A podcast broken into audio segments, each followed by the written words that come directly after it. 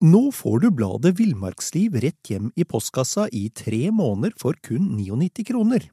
I Villmarksliv kan du lese om norsk natur, ærlige tester av klær og utstyr, og mange gode turtips skrevet av erfarne friluftsfolk, fiskere og jegere. Send SMS VILL36 til 2205 og motta bladet allerede neste uke. Lev livet villere med bladet Villmarksliv.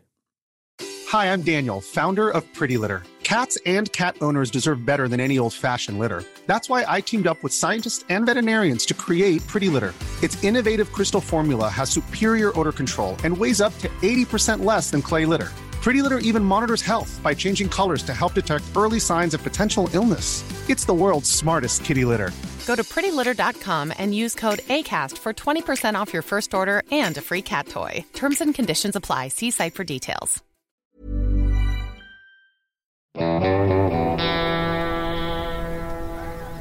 Velkommen til podkasten Villmarksliv.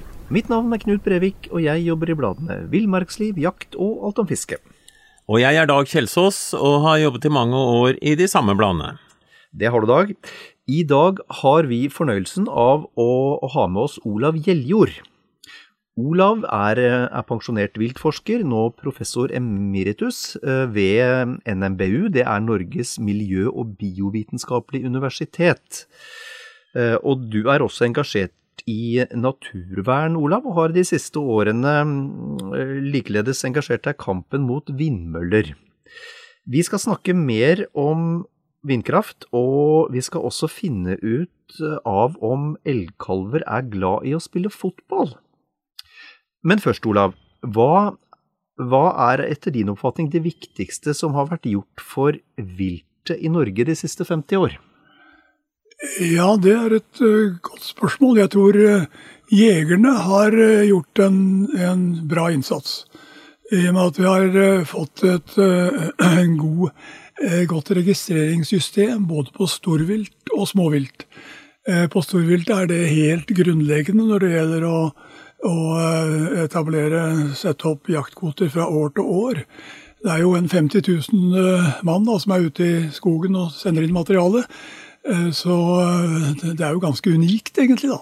Og ingen, ingen andre land har det så bra på gå som, Norge, som Norge har. Og når det gjelder hønsefugl, da, så har vi jo hvert år takseringer for å bringe på det rene hva er, er ungfuglandelen, og hvor, hva er bestanden i terrenget. Og ut fra det så, eh, så eh, bestemmes jo jaktkvoter og hvor mange jegere som får slippe til osv. Så, videre. så dette har vært eh, veldig Det har vært helt vesentlig for å få en, en, en skal på å si, bruke forslitte ordet bærekraftig viltforvaltning. Mm. På forskningssiden så dette, så dette, er jo for så vidt forskning, det også. Det, det ligger mange doktorgrad, tror jeg, disse har sett elg og, og også eh, hønsefuglmateriale. Og det skrives jo vitenskapelige artikler på bakgrunn av det også. Men mer det som forskerne sysler med, altså er jo, er jo eh, telemetrien, da. Som virkelig har, har eh, gjort vei i vellinga. Og hva er telemetri, Olav? Ja, Det vil si at en setter små radiosendere på disse artene. Og så kan en eh, i gamle, Tidligere så krysspeila en da med en, en, en, en antenne.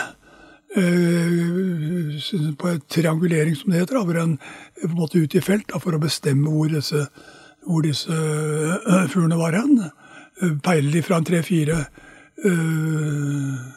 retninger og få en kryss, og der var de.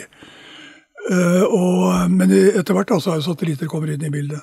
Så nå uh, får forskerne disse dataene for, om hvor fugl og dyr er, direkte inn på PC-en. På godt og vondt. Folk kommer jo ikke ut i skauen, vet du. så det er, det er alle med at det er en negativ sak, altså. Uh, det, det, er noe som tvinger seg fram også, da, fordi at fordi at eh, det koster jo eh, skjorta da, å ha viltforsker på diett osv. ute i skauen. Selvfølgelig. Så det, det, er den billigste måten å gjøre det på. Mm. Men i alle fall da, så har det vært uh, veldig uh, epokegjørende sagt. Det er nærmest som en sånn tryllestav, okay. egentlig, i forhold til det vi drev med før. Ja. Kan se på bjønn. Det var jo en periode da, landet da etter noens oppfatninger flømma over av bjønn.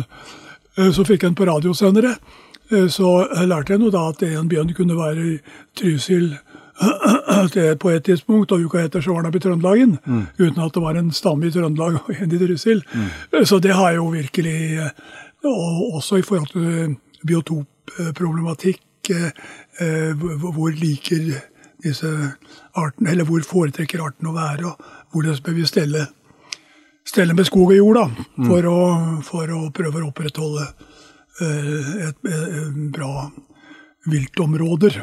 Mm. Mm. Uh, så det er vel ting som har vært viktige. Ja. Men det vi er opptatt av, er jo både som naturfotografer, fugleelskere eller jegere eller hva vi er, det er jo at det skal være mye av fugl og vilt og alt som er. Eh, og det vi mennesker har gjort, er jo bl.a. at vi har eh, lagd fòrplasser, vi har lagt ut mat til rådyr. Vi la ut sleikesteiner, men så fikk jo denne skrantesyken som gjorde at det ble forbudt. Men eh, har sånne tiltak som vi da har holdt på med, har det noe å bety for å opprettholde bestandene? Ja, eh, da, da rådyr, da, hvor hvor det drives systematisk og ganske storstilt, eller drev i hvert fall tidligere, fòring, eh, så tror jeg ikke det er noe eh, Hvor, hvor gode undersøkelser vi har på det, vet jeg ikke. Men, men eh, jeg tror ikke det er i tvil om at der har vi fått dyr i bedre kondisjon gjennom vinteren. Dyr i bedre kondisjon føder flere kalver. Så vi har nok, for rådyr i hvert fall, så er jeg temmelig overbevist om at det har hatt betydning. Når det gjelder elg, så er det litt vanskeligere, da. Der har det vel vært mer for å holde elgen borte fra ferdselsårer, kanskje. Når det gjelder saltsteiner, så spørs det vel. Eh, vi vet fra, fra Amerika spesielt, så har vi såkalte salt licks. Eh, hvor eh, hjortedyr slikker i seg jord, leire. Så har en undersøkt hva, det, hva den leira inneholder, og det er store mengder av natrium de velger ut de områdene hvor det er mye natrium, altså salt, koksalt, som vi bruker. Men det, den eh, type Slik at det virker der som, som disse hjortedyra er i en manko på, på salt, rett og slett. Men det er ikke noe som tyder på at det er i Norge. Vi har ikke registrert eller har ingen noe beretninger om at vi har tilsvarende saltliks i Norge. Så jeg tror vel ikke at det har noen betydning for sånn rent fysiologisk for dyra, da, det med saltsteiner.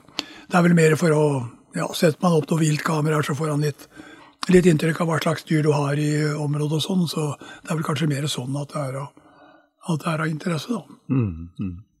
Og så, så, er det vel et poeng det også, um, så lenge ikke tiltak er direkte skadelig, så er det vel Det er jo bra at folk engasjerer seg i natur og dyr og Ja, jeg er helt enig. Ferdes ute?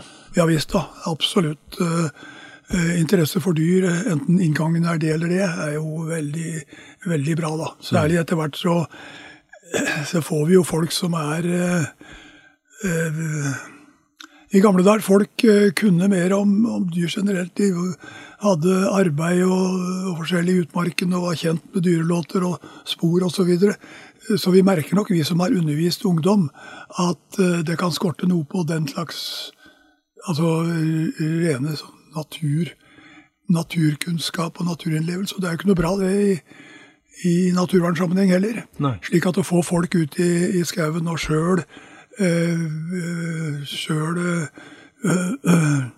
jeg holdt på å si delta i, i, naturen på en måte, mm. få, få, innblikk på den måten, det er klart det er jeg er helt enig.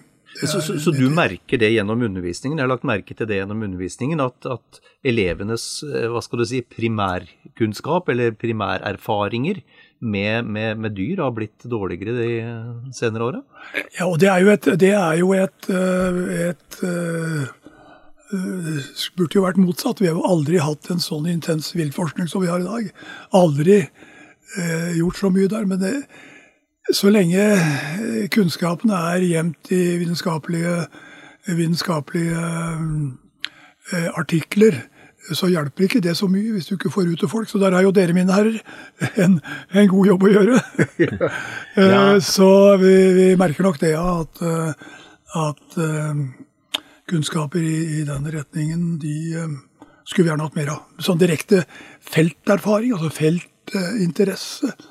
Så vi får jo håpe det at det vi forteller teoretisk, det kan få folk ut i, ut i skog og mark. Mm. Og så er det jo viktig å føre veidemannskulturen, for å kalle det det, videre. Fordi ja. det fins mange unge i dag som, som, mer eller mindre tror at eh, disse tingene de, de kjøper på eh, bensinstasjoner og sånn, det er noen kaker som kommer ikke fra dyr, liksom. Mm. Altså begynne, begynne, på det elementære med at det er naturlig å høste av naturen, ja, det er vik viktig.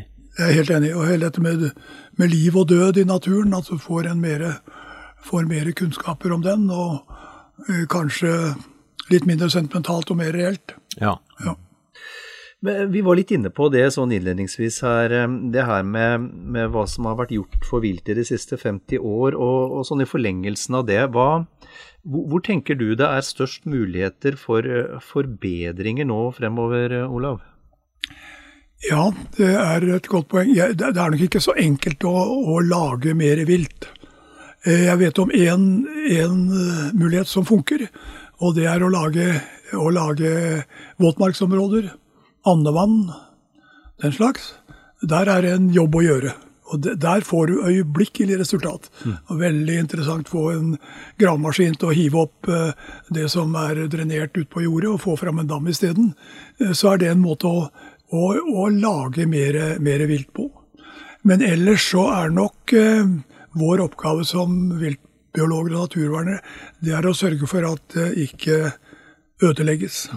Mm. Kunnskaper i den sammenheng, det er det, er det viktige. Også øh, øh, det har jo vært for så vidt mye av min jobb. da, Hvordan skal du stelle jord og skog? og og ta vare på de verdiene som ligger i et variert dyre- og, og fugleliv. Mm. Det er, er, viktig. Og der har vi helt klart en jobb å gjøre med, eh, med uh, i forbindelse med skogbruk, også, også jordbruk. Søren, vipen er jo blitt borte. ja. Mm, Spåvene ja. som vi hørte på fisken når jeg drev med med gjeddejakt i gamle der, mm. med hagla der, så var det, hadde jo så flott si, trillene fra, fra Spåva utover, og de er mm. borte. Altså. Så jordbruket også. Bare den kornåkeren, det er ikke mye liv der, så du må ha kantbestand og, og, og øyer av, av, naturlig vegetasjon i jordbruksområdet. Mm. Der skulle vi gjerne sett noe tilskudd. Og skogbruket er jo også en ting som er viktig her, da. Ja, For du har skrevet en del tankevekkende ting om fortetting, du Olav. Eh, hvilke, hvilke ja. effekter det har? Nei, Det jeg er redd for, og mange med meg også, er at vi er i ferd med å lage en eh, svært grandominert skog. Og gran i veldig tette, tette bestander. Eh, nå gis det til og med tilskudd for å plante enda tettere enn hva er gjort før. Også blant skogbrukets folk så er det jo mange som mener at det er meningsløst. Men det er en sånn, en sånn uh, uklar klima PR-sak som ligger i dette der, egentlig. Det er jeg overbevist om. Men planter du for tett, da, så blir det jo ikke plass til så mye annet da, under vegetasjon. Kanskje spesielt når det gjelder blåbærlyng. Det er en halvskyggeplante. Den blir borte på oksflaten, og den blir borte i den tette skogen. Og forsvinner den, så forsvinner egentlig grunnsteinen i hele det skoglige økosystemet. Blåbæring er, er, eh, beite for eh, hjortedyr. Fra rådyr og til elg og hjort. Eh, på høsten så består vel 70-80 av elgens beite består av blåbærlyng. For skogsfugl og fugl i det hele tatt så er bær viktig. Og også for kyllingene insekter. Larver som er knyttet til bladverk i blåbærlyngen. Forsvinner den, så har vi gjort det store. Ja. Da har vi virkelig eh, eh, omformet skogene våre til treplantasjer. Mm. Og det som plantes, det er jo foredlet plantemateriale mm. når det gjelder gran. Um, og eh, nå skal, skal de over på furu også, da. Og det er jo en sånn skoglig sak også, da. At du planter du for tett, så blir det ikke oppkomst for, for naturlig uh, stedegent genetisk materiale heller. Så mange skogbruk er jo også skeptisk til dette her. Men eh, foreløpig så ser det ut som de som, eh, som eh, eh, er advokater for disse tette plantingene, at de, de um, har en upper hand, som det heter. Og det er uh, Der ser vi liksom den at vi omformer skogene våre nå. I, det vi gjør i dag, det har jo betydning for hvordan skogen skal bli om 100 år. Ja. Så eh, tar vi bort den, eh, det vi nå driver og hogger på, da, det er den gamle naturskogen. Som har en sånn mangslungen historie. Litt plukkhogst og litt dimensjonstakt, litt tynning osv. Og, så og her er veldig variert både når det gjelder alder og, og, eh, og tetthet. Og den Jeg ser veldig ugjerne at den erstattes av en svært svært av en, av en tett, tett, tett granskog. Vi har jo eh, sertifiseringsordninger da, som skal ta visse sånne spesialbiotoper, men det blir for lite. Vi må ha hele skogsystemet eh, i tankene. Ja, Vi som liker å plukke blåbær, vi veit at uh, det skal være litt variert skau og litt åpninger for at Ja. du skal finne blåbær, Ja. bra med blåbærforekomst og, og selvfølgelig blåbæris. Nemlig. Nå skal det jo noe til at det blir så lite blåbærlyng at vi ikke finner noe bær, da, men, men er, den er kvantitativt altså stor betydning. At det vil ha negativ, negativ betydning. Eh, Hva som allerede har skjedd, vet jeg vet ikke så lett å si. Men vi ser jo ikke disse meisetogene lenger, som var så vanlig i min ungdom. Jeg hadde jo øh, jaktglød fra jeg var en neve stor, og fløy til disse meiseflokken med spretert. Bare, bare, en, bare en kort, kort stund er en ung jeger, og han bør meget være tilgitt. Vi alle som har holdt på med jakt hele livet, har vært gjennom den perioden. Vi har skjønt at det var ikke alt som var bra. Nemlig. Men den gangen var jo disse meiseflokkene som bestod av meis, fuglekonge, trekryper osv. var jo hele tiden. Og blant skogsfolk ble de kalt for furulus. Ja. Så vanlig var det. Og de er, de er blitt en stille skog med hensyn til de. Vi vet ikke mer om hva årsaken er, men, men eh, det er jo ikke bra dette her med en stadig mer ensaldra skog, som hogges jo i en ungdomsfase. 100, mellom 65 og 120 år. Og det er jo bare ungdomsfasen egentlig i forhold til gammel skog og lavbehengt skog osv. Um, du, du, du skrev tilbake i i 2008 så skrev du en, en fantastisk morsom bok, eh, Olav, som heter 'Viltet biologi og forvaltning'. Eh, Den har jeg kikka mye, og det er jo det rene overflødighetshornet det av, av både morsom og nyttig innsikt. I den boka så forteller du blant annet at hvis du triller en fotball foran en elgkalv, så sparker den elgkalven etter fotballen. Men det betyr vel ikke at elgkalver er glade i fotball? Hva er det egentlig som er forklaringen her, eh, Olav? Ja, for det første så er det jo veldig hyggelig at du syns boka var bra, da. Ja. Jeg kan selvsagt anbefale den som bare det. men men nei, det, det er en sånn interessant, interessant eh, eksempel på, på utløsende stimuli. Altså at eh, de har bare et sånn eh, bare en sånn grå forestilling om hva de skal være redde for. Og det er veldig genetisk nedlagt, for der er det ikke tid til å bomme. Slik at hvis du får liksom et, en liten sak foran deg, pappeske fotball, så kommer den der klauen fram, også hos elgkalven. Og de sparker, altså? De sparker, oi ja, det skal jeg si, og spar, vi sparker i filler en, en, en, en pappeske, eh, hvor presise de er når det gjelder å skyte fotball, det skal jeg ikke si. Det ble vel ikke så mange mål om en prøvde å få til det, kanskje. Men, men eh, det er det samme som de har funnet eh, for rødstrupe, at uh, hannene vil reagere mot hverandre bare med en sånn liten rød fjær. Så, så den, den seleksjonen og evolusjonen der er, er veldig interessant. Altså den, den er nok veldig opportunistisk, men på enkelte felt så er den ganske beinhard. Altså.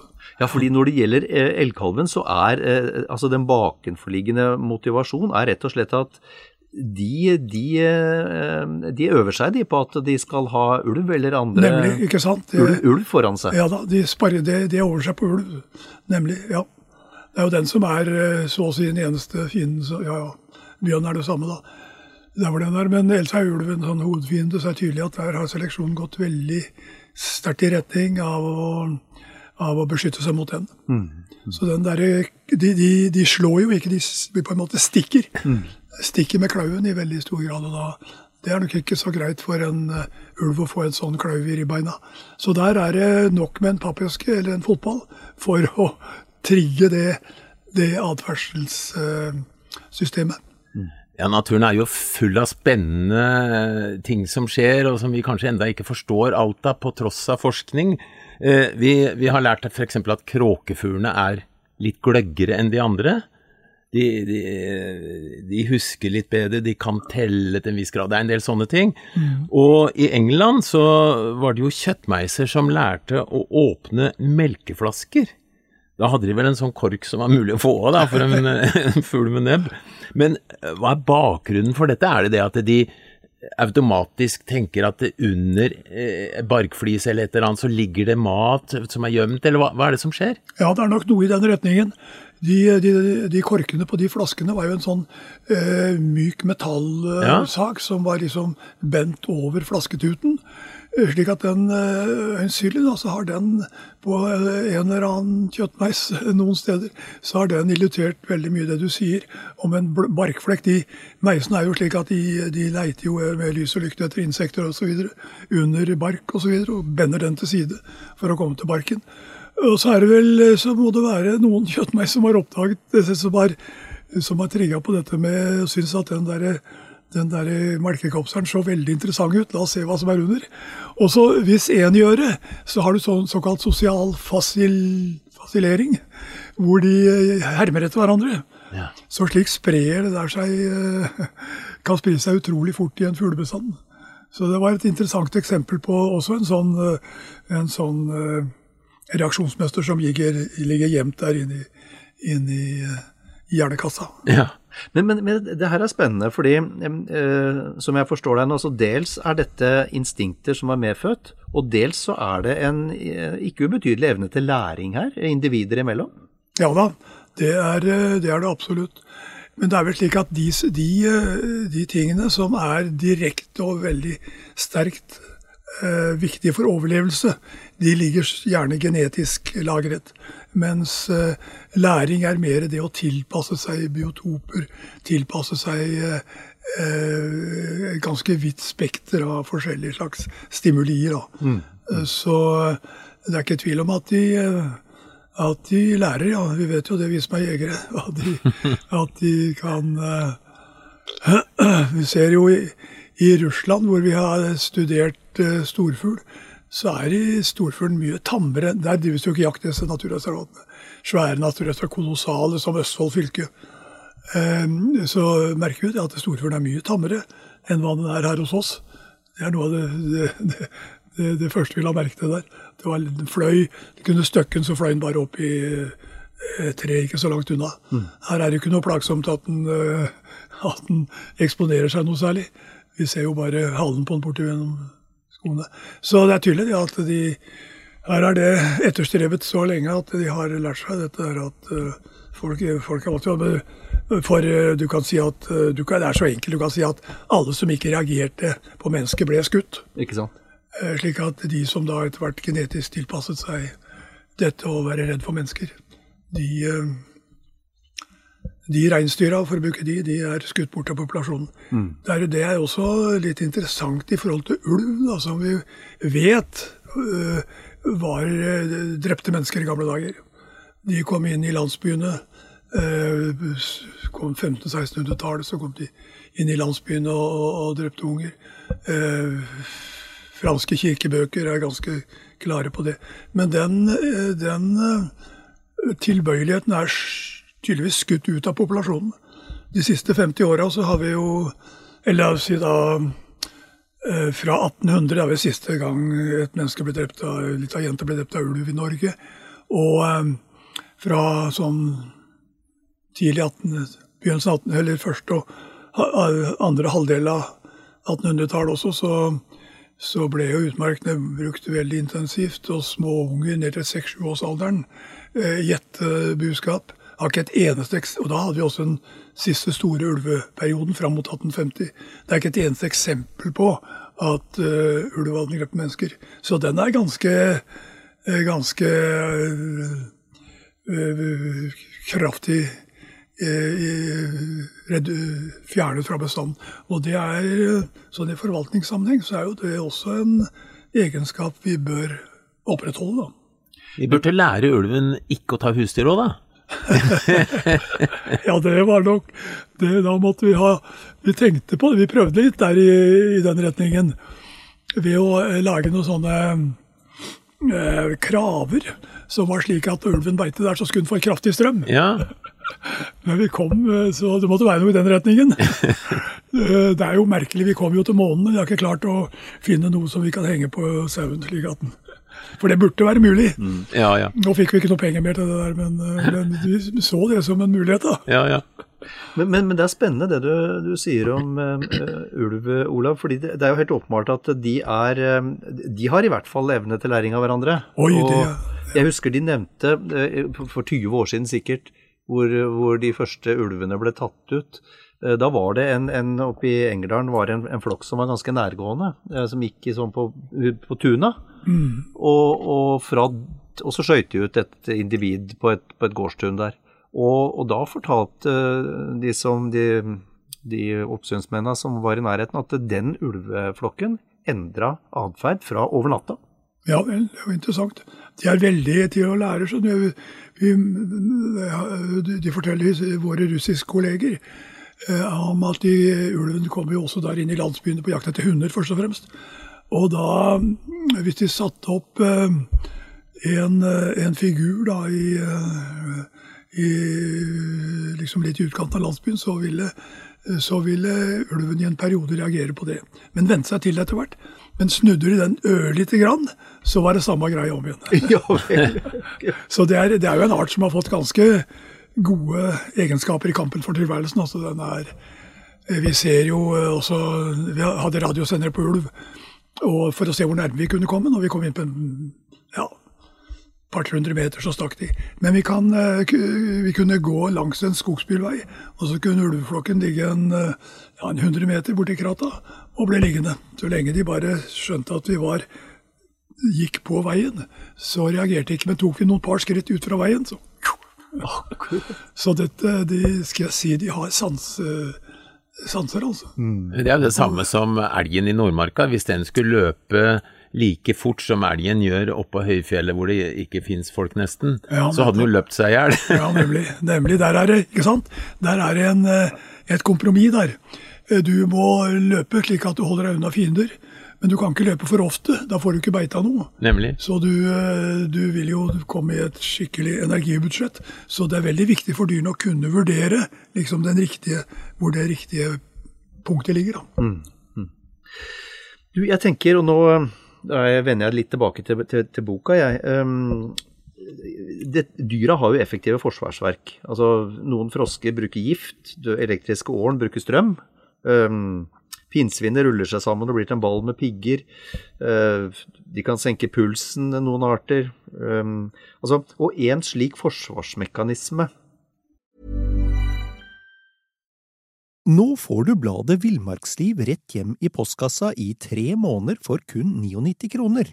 I Villmarksliv kan du lese om norsk natur, ærlige tester av klær og utstyr, og mange gode turtips skrevet av erfarne friluftsfolk fiskere og jegere. Send SMS VILL36 til 2205 og motta bladet allerede neste uke. Lev livet villere med bladet Villmarksliv. There's never been a faster or easier way to start your weight loss journey than with PlushCare. PlushCare accepts most insurance plans and gives you online access to board-certified physicians who can prescribe FDA-approved weight loss medications like Wigovi and Zepbound for those who qualify. Take charge of your health and speak with a board certified physician about a weight loss plan that's right for you. Get started today at plushcare.com slash weight loss. That's plushcare.com slash weight loss. Plushcare.com slash weight loss. Er det å, å, å, danne en flokk? Altså, kan du ja. si litt om dette med, med, flokkens formål, sånn rent forsvarsmessig? Ja, det er jo veldig interessant som du sier. Eh, når det gjelder fugl, så er det vel Så vidt jeg erindrer, så er vel alle, alle planteetende fugl de slår seg sammen i flokker utenom forplantningssesongen. Det samme gjelder jo for nesten alle pattedyr òg. Det er noen unntak. eh, altså Planteetende elgen er jo ikke så tilbøyelig til det. Men, eh, men ellers er det en veldig vanlig, vanlig eh, atferd i dyreriket. Og her, er- er her er det nok eh, helt klart at det er, eh, at det er eh, forsvars overfor rovdyr som er viktig. Det kan ikke være næringen, fordi det blir jo bare mer konkurranse om næringen. Så det er ikke det som spiller en rolle. Så det har nok litt forskjellige, eh, litt forskjellige ting som spiller inn der. Én ting er det at hvis ikke rovdyret flokker seg i samme grad som, eh, som byttedyret, så vil det bli mindre, færre rovdyr per individ av planteetere. Fordi at de, ikke sant, du har en flokk på, på, på 1000, eh, 1000 eh, eh, reinsdyr, og så har du kanskje en 10-20 ulv omkring. Mens eh, hvis du hadde hatt disse spredd rundt i terrenget, så du hadde hatt en, et reinsdyr per flokk, så ble det atskillig verre å, å klare seg. Eh, så, så også, det, også ser en at eh, det er klart de som går ytterst, er det som er mest eksponert for å bli tatt. Så de for, forsøker jo å komme seg inn i flokken. Og der ser vi en underlig reaksjon, eller en interessant reaksjon når det gjelder reinsdyr.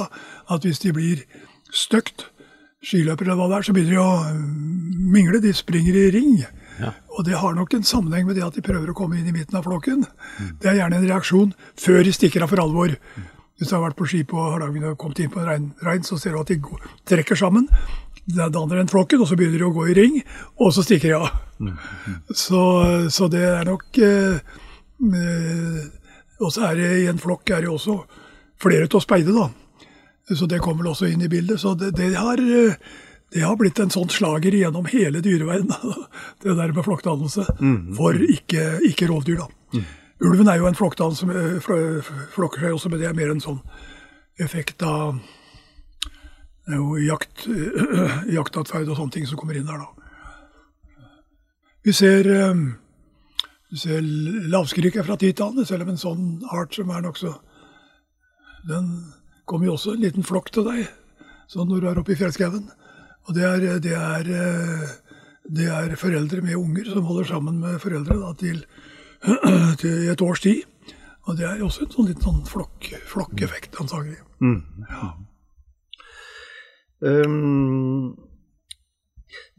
ja, det, det, det må vi nesten høre med deg om. Altså, For alle som har vært i fjellet og sett reins, re, reinsdyr flokke seg og begynne å ringe, så ser vi at de veldig ofte beveger seg mot venstre. ja, Hva er grunnen til det, da?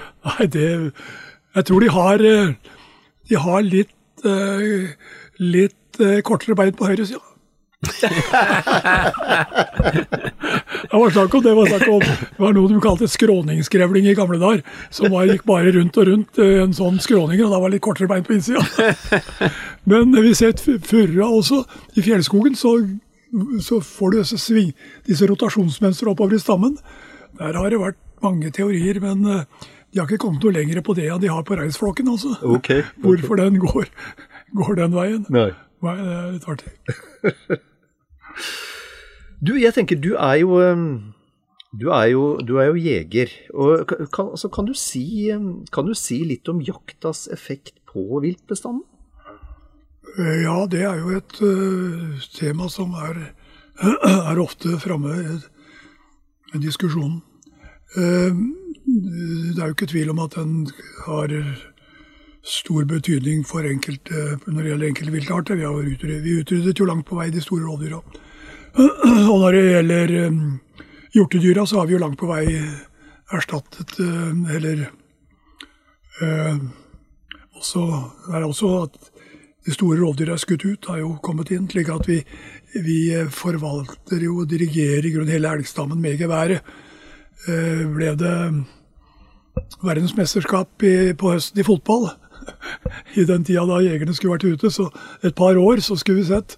Den vokser jo en, I løpet av en par år så vil du doble elgbestanden hvis du ikke, hvis du ikke holdt etter den med geværet. I hvert fall de mer produktive stammene. Så vi er jo helt avhengig av en eh, jakt i unntak for å kunne holde bestanden under kontroll. Når det gjelder eh, småviltet, så er det jo mer komplisert. da, Der er det vanskeligere. Det er jo ingen tvil om at vi kan eh, jakte hardt, eh, jakte for hardt der også. Så, eh, så eh, kan vi redusere bestandene. Det, det, det er nok eh, tilfellet. Men på den annen side så har ikke jakta så veldig stor effekt der. fordi selv om vi freder Sett at vi har skutt en bestand lavt ned, eller har kommet lavt ned i badefall, så er det veldig vanskelig å frede den opp igjen. Nemlig fordi at jakta slik som den drives, da hvor du tar ut en 10-20% av rypebestanden f.eks., så monner det forholdsvis lite i forhold til det rev, hauk, også falk, tar. Eh, Det er jo en dødelighet på disse fuglene, på, eh, på rypene, på 75% for ungfugl, 50% for gammelfugl, så du har liksom 60 da, som blir borte fra år til år. Eh, Så det monner ikke så stort av med en 10-20% fra jegeren. Så der er det Der kan vi ikke på samme måte, samme måte styre bestanden med geværet som, som vi kan med hjortedyr. Og der er vi med, mye mer i, i naturens eh, fold. Mm. klart, ja. Men, eh, men eh, jaktes det hardt, så kan vi også redusere småviltstammene. Det er ikke noe tvil om det, tror jeg. Men bestandene svinger jo veldig, det veit vi, og de fleste har jo hørt om lemenår, at det har betydning osv. Så eh, sånn som i 1912 og 1913 så var det jo enormt med fugl. Eh, med skogsfugl da særlig. Har vi kommet noe nærmere svaret på hva som skal til for at en viltbestand skal blomstre opp sånn som det som skjedde da? Ja, ja Du nevnte skogsfugl. Det er jo også sammen for rype. Altså Kolossale rypebestander hvor de skjøt 100 fugl om dagen osv. Det er jo ikke akkurat noe plagsomt i dag. Eh, Men, eh, men eh, hvorfor vi Det ser ut som bestandene nå svinger på et mye lavere nivå enn de gjorde før. Det var nok like lite fugl i korte perioder i, den, i gamle dagene som du nevner, eh, men, eh, som det er i dag. Men det som har uteblitt i dag, er de store kronåra. Ja. De har vi ikke lenger. Vi har ikke de voldsomme utslagene i svingningsmønsteret. Og det ser ut til også å gjelde mm, smågnagerne. Og kanskje på samme måte ekorn, som vi skjøt en 600 000-700 000 av i gode år før krigen. Det ser ut som vi har fått en sånn avdempning av svingningsmønsteret. Eh, Det gjelder ikke bare for smågnag, ikke bare i, i Norge, men, eh, men sydover i Europa også. Eh, Så ser det ut ut til å være et fenomen. Men hva som ligger til grunn for det, er ikke lett å, å peke på. altså. Det tror jeg er nobelprisen i viltbiologi, den som finner ut av det. Eh, Men det ser ut som det er, det er noe som er karakteristisk for systemet i det hele tatt. At de, de, de svingningene ble blitt mye mindre. Når det gjelder lemen, det var jo de, de eh, store lemenåra i gamle dager. Eh, Olaus Magnus i sine bøker han snakker om at det regna lemen fra, fra himmelen. Og vi vet jo fra Collett at, at eh, Indre Trondheimsfjorden var så dekket av levende og døde lemen at, de, eh, at eh, dampskipet tok ti minutter, for å, ti minutter for å reise gjennom.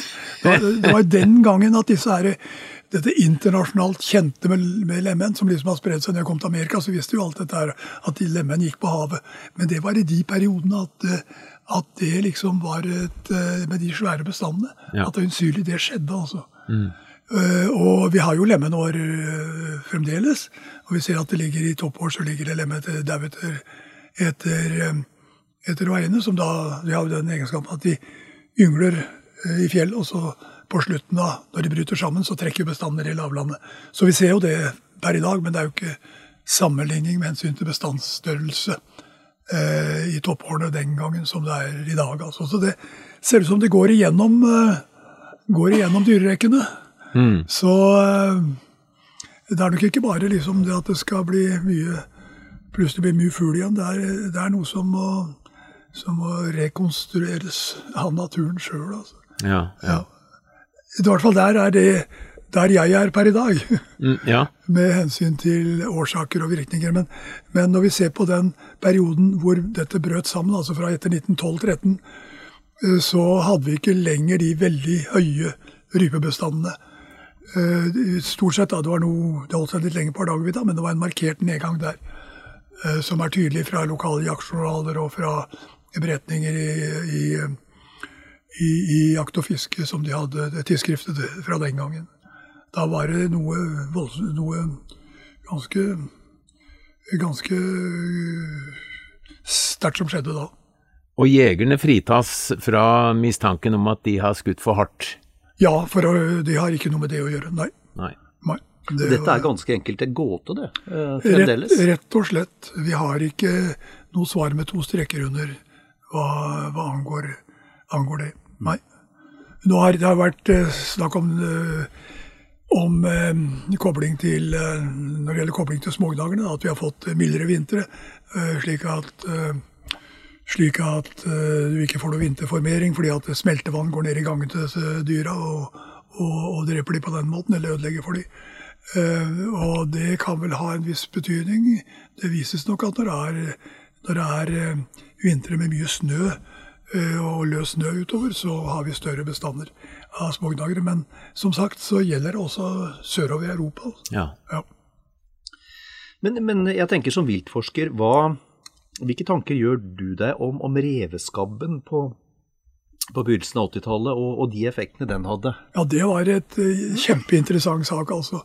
Vi har jo dette begrepet som kanskje for noen er litt sånn uh, akademisk, nemlig nøkkelart.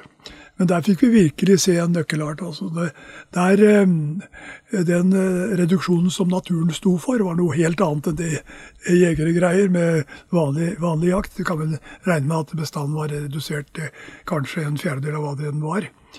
Og dermed så fikk vi mer storfugl, eller mer skogsfugl, mer rype, mer hare, mer rådyr, mer mår. Så den slo inn på hele det registeret, altså. Du vet, Reven tar jo halvparten av, av rådyrkalven, i hvert fall ikke hulandskapet. Så at de ble fri, så gikk bestanden rett i været. Og det samme da eh, når de som eh, som egg, egg, egg og reirplyndrer så er jo reven ganske formidabel, antagelig. Slik at de gikk fri på den måten. Og så er det tydelig at han også hadde og fikk også fram dette her at den er en, den er en, en fut også når det gjelder mår. Eh, antagelig er det ungene som, ungene som tas. Jeg hadde tam, to tamme mårunger en periode. Og de uh, lekte veldig mye, skrek osv. Så, videre, så de eksponerer seg nok for reven. Mm. Så det var altså det var en, to, tre, fem arter som reagerte på at reven ble borte. Ja. Så der har du virkelig nøkkelarten. Mm. Og det er klart, hvis vi kunne klare da altså, Men et lite poeng der, altså at hvis det vi så da mens det ennå var lite rev, så begynte, så begynte hønsefugl og hare osv. Å, å gå tilbake igjen. Det var altså samtidig som målen økte. Så her uh, er jeg enig at de nok vikarierer for hverandre. Og det er et poeng. Skal en da prøve en intensiv og, og hard rovviltbekjempelse, eller regulering, for å kalle det det, så må en uh, Det holder ikke bare med å ta én art. Hvis en skal ha en langsiktig effekt, så er også morgen inn i bildet, tydeligvis. Mm. Så vi har vel sett det som en eh, som kanskje forklaringen da, på at eh, bestanden av hønsefugl begynte å gå noe tilbake, mens det ennå var lite rev. At da kom målen isteden. Og den er jo også en ganske hard fut på, eh, på hønsefugl. Mm. Til dels hard også. Men snakker vi rype, så vet vi at uh, falkene tar jo veldig mye rype, men de er freda, så da sånne viltstelltiltak, det er ikke mulig Nei. akkurat der. Nei, verken kongeørn eller vilt eller hauk i det hele tatt. Nei. Det blir aldri noe jakt på, på rå, råfugl igjen, nei. Du, jeg tenker sånn, eh, du har jo, du har jo um, vært mange steder, Olav. Gjort mye, mye, mye rart. Du har vært bl.a. naturforvalter på Svalbard. Um, du har jobba i Russland, forskning, Skogsforskning? skogforskning. Ja, ja. Uh, gjort masse i Norge, naturligvis. Hva, har du noen sånn øyeblikk i din karriere hvor du tenker at wow, den så jeg ikke komme? Altså, Hva er det som har overraska deg mest i løpet av disse årene som viltforsker? Tenk på selve forske, ja, forsknings... Ja. ja. det er jo et, eh, et interessant spørsmål. Jeg får bare si at som sånn helt nesten, jeg holdt på å si øyeblikkets inntrykk, så var det en dag på sporsnø i Britisk Columbia. Jøss, så mye spor. Det var altså nord i British Columbia, samme, samme breddegrad som Oslo omtrent. Der var det, for det første var det jo veldig mye snøskohare. Og de sa at den varierte ikke så veldig mye. Eh, så var, det, eh, så var det rev, så var det gaupe, så var det ulv, så var det oter, så var det mink, så var det eh, hjortedyra. Eh, det, det var eh, underlig å se. så da begynner du å lure er, har vi virkelig er, er, her hos Når jeg har canadiere på besøk så sier at de syns det er litt stille i skogen. Så det var liksom sånn lysår i forskjell. Nå kan du si at, eh, at, eh, at eh, det, det, er jo det er ikke Golfstrøm, det er litt annerledes. Litt andre treslag. Men det er også en sånn borealt barskog, da. Så Men i forhold til våre skoger og vårt land, da, så er jo Canada fremdeles ganske ubrukt. Mm. Er det noe vi Ligger det noe i dette her med hva vi mennesker driver og gjør med vår natur? Jeg, jeg, vet ikke. Men det var Det er det virkelig som eh, slo meg som noe som jeg ikke hadde tenkt på eller venta. Mm. For det var sånn Det var, sånn, det var en dags sporsnø, altså. Og det var spor overalt.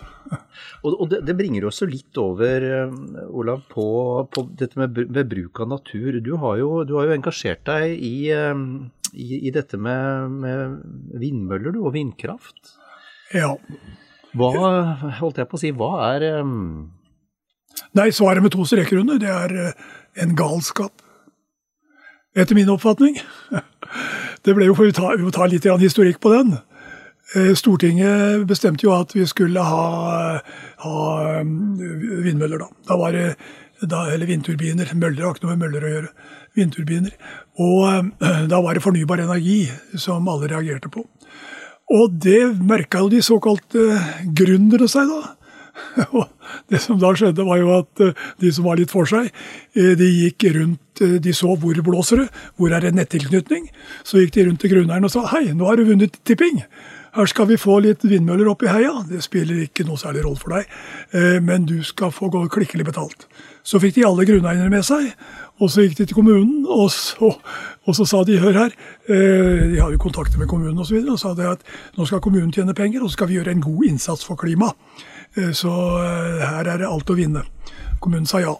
Og så laget de en konsekvensanalyse, da, en uhyre lettbeint sådan.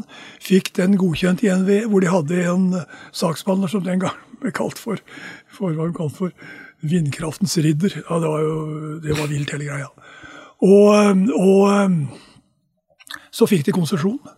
Så enten hva de da gjorde, enten så solgte de en ferdig kondisjon og konsesjonen til utenlandske fond, eller så eller så eh, bygde de ut eh, feltet og solgte det. Og tjente seg jo søkkrike, da. En del mennesker. Så det tok jo sin tid da, før vi fikk øynene opp for hva dette egentlig var for noe. Sånn per i dag så er det jo turbiner som rekker 250 meter opp, de moderne. Det er infrastruktur av tunge veianlegg. Det er lyd omtrent fra en sementblander. Det er røde og hvite lys i toppen. Eh, kort sagt et industriområde. Og når en da omsider ble klar over dette her, da, så ble det jo bråk i distriktene. Eh, sultestreiker og alt kriminell virksomhet for å stoppe dette her. Så eh, det ble jo stoppet, da. Og nå skal det jo til med, med nye, sier skal, nye, konsesjonsregler. Eh, regelverk hvor eh, Eh, det skal tas hensyn til naturen. Det skal bare bygges vindturbiner der hvor det naturlig ikke gjør noe skade. Ikke en, ingen har definert hva slags natur det skal være. Eh, når det gjelder direkte dette med, med eh, hva skal vi si innflytelse på, på, på naturmiljøet, så er det jo fugl som har vært særlig inne i bildet. Eh, vi har jo slått i hjel 100, 100 vindmøller oppå, nei, havørner oppå Smøla. Og det har gått ned 30 forskjellige arter. Eh, det tåler jo bestanden per i dag. Det er mye havørn. Men når vi da får, eh, får kledd kysten med, med, vindturbiner, så er det noe annet. Mm. Du får, er en, risikerer vel en diverse år i fengsel for å skyte en havørn. Men det er tydelig at vindturbinen er unntatt det. Når det gjelder skogsterreng, så er det i Spania allerede forbudt i de områdene hvor du har, hvor du har storfugl å anlegge vindturbiner. De har hatt en undersøkelse i, i, i Alpene hvor de har, på, i Orrfuglområder, og hvor de har funnet at leikene blir borte i områder inntil en, bortimot en mil ifra turbinene. Og de tror at det har sammenheng med at lyden fra turbinene forstyrrer kommunikasjonen på leiken mellom høner og haner, og samme antagelig også for storfugl. Så her er det jo veldig mange ting som ingen tenkte på, da. Mm. Så kommer jo det til, da. Hva, hva, slags sko skal vi ha? Når vi sitter som jegere sitter på en nye om kvelden, eh, er det samme stemningen som det var før, når vi har eh, røde og uh, hvite lys som blinker over åskammene, nærmest med sånn diskostemning? Er det sånn skog vi skal ha framover? Er det sånn vi skal bruke skogen vår? Og det verste det er altså nå, Etter hvert så har vi kommet opp i 10 TWh. da. Vi bruker 130 i året og produserer 150. Men etter hvert så har vi kommet opp i 10 TWh i vindkraft. da. Ikke en eneste en av de terawattimene har gått til å erstatte fossilkraft i Norge. Alt er eksportert. Mm. Så vi, har jo eksportert mellom 15 og 20 terawattimer hvert år. da. Så det har ikke gjort noe annet enn å enn å ødelegge norsk natur. Og det eksporteres jo, da, men hvorvidt det da kommer noe i tillegg til Eller hvorvidt det bidrar til å senke fossil kraft, eller fossil kraftutvikling, er jo et stort spørsmål. Antagelig så, så gjør det ikke det. Man kan altså si at vi, vi, har, vi, er i ferd med å ødelegge norsk natur for å fylle tyske batterier, da? Ja, rett og slett. Eh, og Der kommer jo disse inn også, at vi er jo veldig langt fra å få den fornybare energien som vi produserer med sol og, sol og vind, slik at, vi, eh, at den kan være løsningen på det problemet som vi har nå med, med klimaendring. Vi har nok batterier som kan eh, Jeg tror de er kommet opp i 10 000 mennesker. At de kan holde de en dags tid, i hvert fall. Men hvis du har fem millioner mennesker i en by, og, og sånn som i Nord-Europa, at strømmen eller at vindkraften, at det er værstille og det ikke blåser, eh, så blir det en helt annen skål. Mm. Eh, du, du, du, kommer ikke unna denne balansekraften da. Så det er veldig mange ting som, er, eh, som, er, som ikke er løst. Men mange politikere eller mange tror, når du har, tror at når du har vindmøller som vifter i horisonten, wow, da er vi på rett kurs. Vi er ikke det. altså Der er det er voldsomme problemer teknologisk som må løses. Og det kan vi klare. Vi brukte, amerikanerne brukte vel ti år til å komme til månen. Det er klart Hvis du hadde en felles global anstrengelse med svære investeringer, så hadde du klart å komme dit. Det er det det står til på. Bare å bygge ned naturen med, med vind, vindturbiner, det løser ikke. Det her problemet. Mm. Dessverre. Se, se, men, men, nå har det jo vært en del eh, de siste, de siste, årene har det jo vært en del uro rundt det, og en del motstand. Ser du, nå, ser du nå tegn på at det er i ferd med å bremse opp den voldsomme investeringsviljen rundt uh, vindturbiner? Ja, jeg er uh, usikker. Jeg, jeg, vet ikke. Nå er det jo, det er jo De har blitt som enhver sånn industri, når de kjører i stor målestokk, så blir det jo billigere etter hvert. Og det er jo blitt billigere, da, eh, vindkraft etter hvert, så nå jo, er det jo en relativt, eh, relativt eh, lav kostnad for å bygge ut. Det vil, med høye strømpriser så vil jo den si at det er en svær profitt å hente. Mm. Så det er, nok, eh, det er nok de som gjerne kunne se at vi kledde så mye som mulig av norsk natur med vindturbiner. Det er jeg ikke eh, i tvil om. Det nevntes floskler med å ta naturhensyn osv. Så sånn, men det, bare, en, bare floskler, etter min mening. De er så dominerende, dette her, at det, det, det skal noe til å gjøre det på en naturvennlig måte. Mm. Hva tenker du om uh, vindturbiner til havs, som jo er dagens uh, tema for mange, og problemer i forhold til fisk eventuelt, eller andre? Ja, da er vi ute utenfor mitt, uh, mitt kompetanseområde. Når det gjelder fugl, så er det jo kan jo skille mellom forskjellige vindturbiner. Det er de som står helt kystnært. Så er det de du har ute på bankene, fiskebankene, og så er det de på dyphavene. da. Og Vi tenker vel også at de på dyphavene er de som kan øh, anlegges med minst mulig skade på systemet. Men de vet lite per i dag om kommunikasjon mellom hval og fiske osv. Det er en ting. Når det gjelder de kystnære, så er det jo noe helt annet da, som ligger nærmest inne i fjæresteinen, en del av de. Da har vi jo hensyn til fugletrekket langs norskekysten. Transporterer en million fugl kanskje fra, fra, syd mot nord og nord mot syd på høsten igjen. Og det er vel ingen, ikke noe kyststrekning som har et mer konsentrert og viktig fugletrekk enn hva Norge har. Den lengste kyststrekningen vi har. Det ikke fugl som bare skal til Norge, men også til arktisk eh, Russland, Svalbard, eh, Arktis i det hele tatt. Eh, så at vi har fått en sånn nå er det jo en sånn sammenhengende lyslinje nå, eh, egentlig, på hele Hordaland, Rogalandkysten. Og også på kysten av, av Nord-Trøndelag. Og så her og der ellers også. Som er gjort uten at vi har hatt kunnskaper om hva det har å si for dette veldig viktige trekket. Mm. Men, eh, men havvind er jo på de dype, dype havene i hvert fall, da, er jo å foretrekke bevares framfor landbasert. Også fordi at vi har mye større områder å velge i. Det er jo kolossale områder der i forhold til det vi har på land. Så det bør jo være mulighet for å finne områder der, skulle jeg tro, da, som litt amatør på området, eh, som gjør relativt liten skade på, på naturmiljøet. da. En har jo funnet da, når det gjelder oljeriggene, at eh, det samler seg fisk der. Eh, faktisk. Eh, og en har tenkt det samme når det gjelder vindturbiner også. Men vet litt lite om det er fordi at det var mye fisk der fra før av, eller om det er den som tiltrekker fisken. At det er et sånt beskyttet område. Det er vel eh, Vi kan kanskje avslutte med å si da, at det er, det er åpenbart at disse vindturbinene beriker investorene, men det er ikke så berikende for oss som ferdes i fjellet? Nei, det må vi kunne si. Det er, kan vel ødelegge hele den norske friluftskulturen, egentlig. Mm. Nå får du bladet Villmarksliv rett hjem i postkassa i tre måneder for kun 99 kroner. I Villmarksliv kan du lese om norsk natur, ærlige tester av klær og utstyr, og mange gode turtips skrevet av erfarne friluftsfolk, fiskere og jegere. Send SMS VILL36 til 2205 og motta bladet allerede neste uke. Lev livet villere med bladet Villmarksliv.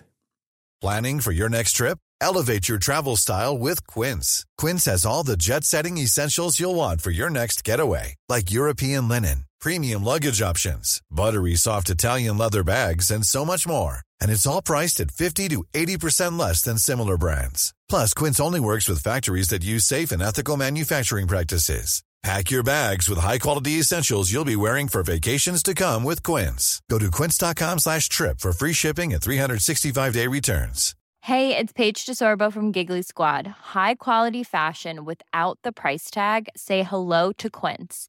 I'm snagging high-end essentials like cozy cashmere sweaters, sleek leather jackets, fine jewelry, and so much more. With Quince being 50 to 80% less than similar brands and they partner with factories that prioritize safe ethical and responsible manufacturing. I love that. Luxury quality within reach. Go to quince.com slash style to get free shipping and 365 day returns on your next order.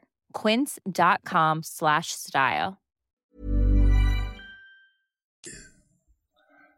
Det blir liksom noe blir ikke helt det samme med de gamle fjell i syning om er alt se de blir ikke det. Og så er det det betenkelige er jo at dette har kommet uten at det har vært gjennomtenkt. Mm, mm.